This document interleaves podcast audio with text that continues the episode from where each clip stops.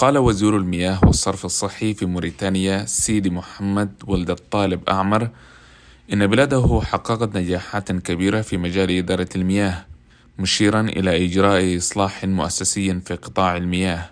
وقال إن حكومة بلاده أنشأت مدونة للمياه معنية بوضع خطط واضحة وتطبيق استراتيجية وطنية للبيئة. أخبار الأمم المتحدة أجرت حوارا مع الوزير الموريتاني الذي ترأس وفد بلاده المشارك في مؤتمر الأمم المتحدة للمياه حيث تحدث عن عدد من القضايا المهمة بالنسبة لقطاع المياه في بلاده. المشاركة تمت فعلا وقد اغتنمت هذه المشاركة في مؤتمر الأمم المتحدة حول المياه والتنمية المستدامة لاستعراض آه، الاستراتيجية الوطنية للمياه في بلادي والتي تتركز أساسا على أربع محاور وهي الاستراتيجية التي تم إعدادها من أجل الولوج المستدام للمياه الصالحة للشرب والصرف الصحي في أفق 2030 وتتركز حول أربع محاور أساسية. المحور الأول هو تسيير المندمج للمياه السطحية والجوفية. ثانيا توفير الفعلي للمياه لمختلف الاستعمالات. ثالثا هو تحسين الولوج للصرف الصحي.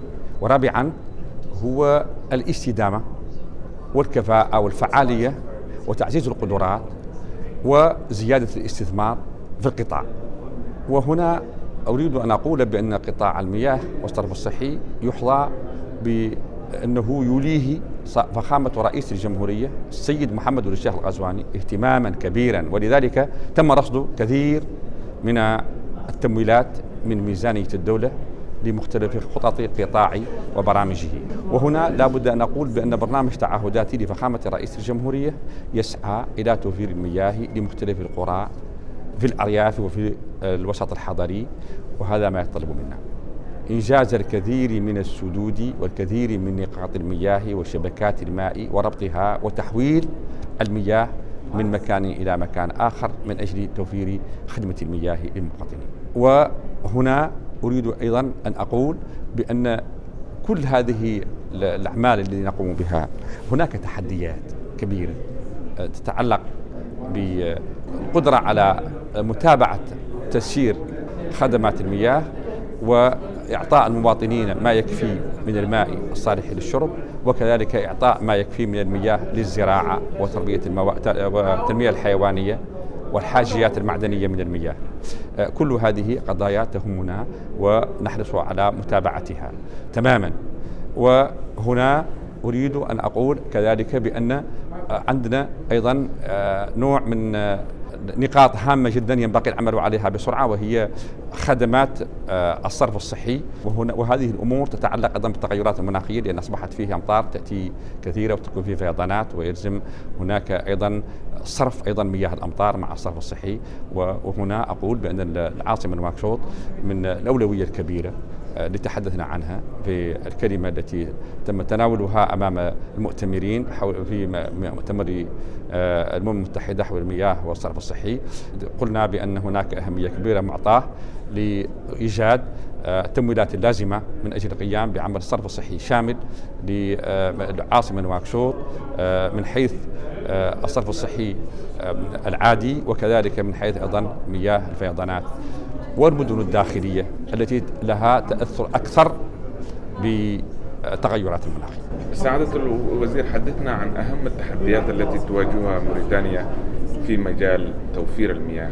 طيب آه، أنتم تعرفون بأن موريتانيا بلد عنده مساحة شاسعة وأكثر من نصف البلاد يعني مناطق صحراوية. اذا آه، هناك نقوم بعمليات البحث عن المياه بطرق كل طرق سواء كان الأمر يتعلق بالمياه الجوفية، سواء كان الأمر يتعلق ببناء السدود، سواء كان الأمر يتعلق بحفر الابار، اذا هذه الطرق شتى من أجل توفير المياه وهي فعلا تحديات كبيرة ونحن نعمل آه، من تذليل هذه التحديات من أجل آه، أن نصل آه، أن نؤمن لبلادنا المياه الصالحة للشرب والمياه كذلك لمختلف الاستعمالات. هل لديك قصص نجاح تود مشاركتها معنا؟ نعم لدي قصة قصة نجاحات كبيرة. هناك تم إصلاح مؤسسي، هذا الاصلاح المؤسسي سياسة المياه مدونة المياه. يسمح لنا برؤية واضحة لاتباع خطط وتطبيق الاستراتيجية الوطنية في المياه. إذا هذه مدونة المياه من القصص اللي موجودة عندنا بنجاح النجاح اللي يمكن أن نتحدث عنها. كذلك أيضا آه، القيام بكل هذه الأعمال أدى إلى ولوج أكبر للمواطنين حيث وصل الوجوه ولوج المياه الصالحة للشرب إلى 72% على المستوى الوطني. وكذلك عندنا أيضا قصة أخرى في مجال آه، النجاح وهي آه، إشراك القطاع الخاص في مجال تسيير المياه بالوسط الريفي وشبه الحضري وهي قضية هامة جدا وتدخل في إطار الاستراتيجية الوطنية للمياه. هناك قصة نجاح أخرى إقليمية ليست وطنية وهي القدرة على أن بلادنا عضو في منظمة استثمار نهر السنغال وهي تضم موريتانيا السنغال مالي غينيا وهناك تسيير مندمج للمياه في حوض نهر السنغال. وهذه المنظمة أثبتت نجاعتها منذ أكثر من 45 سنة وهي أيضا نجاح في تسيير المياه المشتركة مع الدول المجاورة. وهناك تأمين لهذا كله أخيرا هل آه، موريتانيا على الطريق الصحيح فيما يتعلق بتحقيق الهدف السادس من أهداف التنمية المستدامة المتعلق بالمياه؟ طيب نحن على الطريق الصحيح لأن الاستراتيجية الوطنية التي تم تبنيها من مجلس الوزراء آه، في فبراير هو في أفق 2031 وهو تشابه الأفق الأفق 2030 وهناك من أجل آه، آه، وضع أرضية صلبة من أجل البلوغ أهداف الألفية الثالثة فيما يتعلق بالهدف السادس للتنميه المستدامة.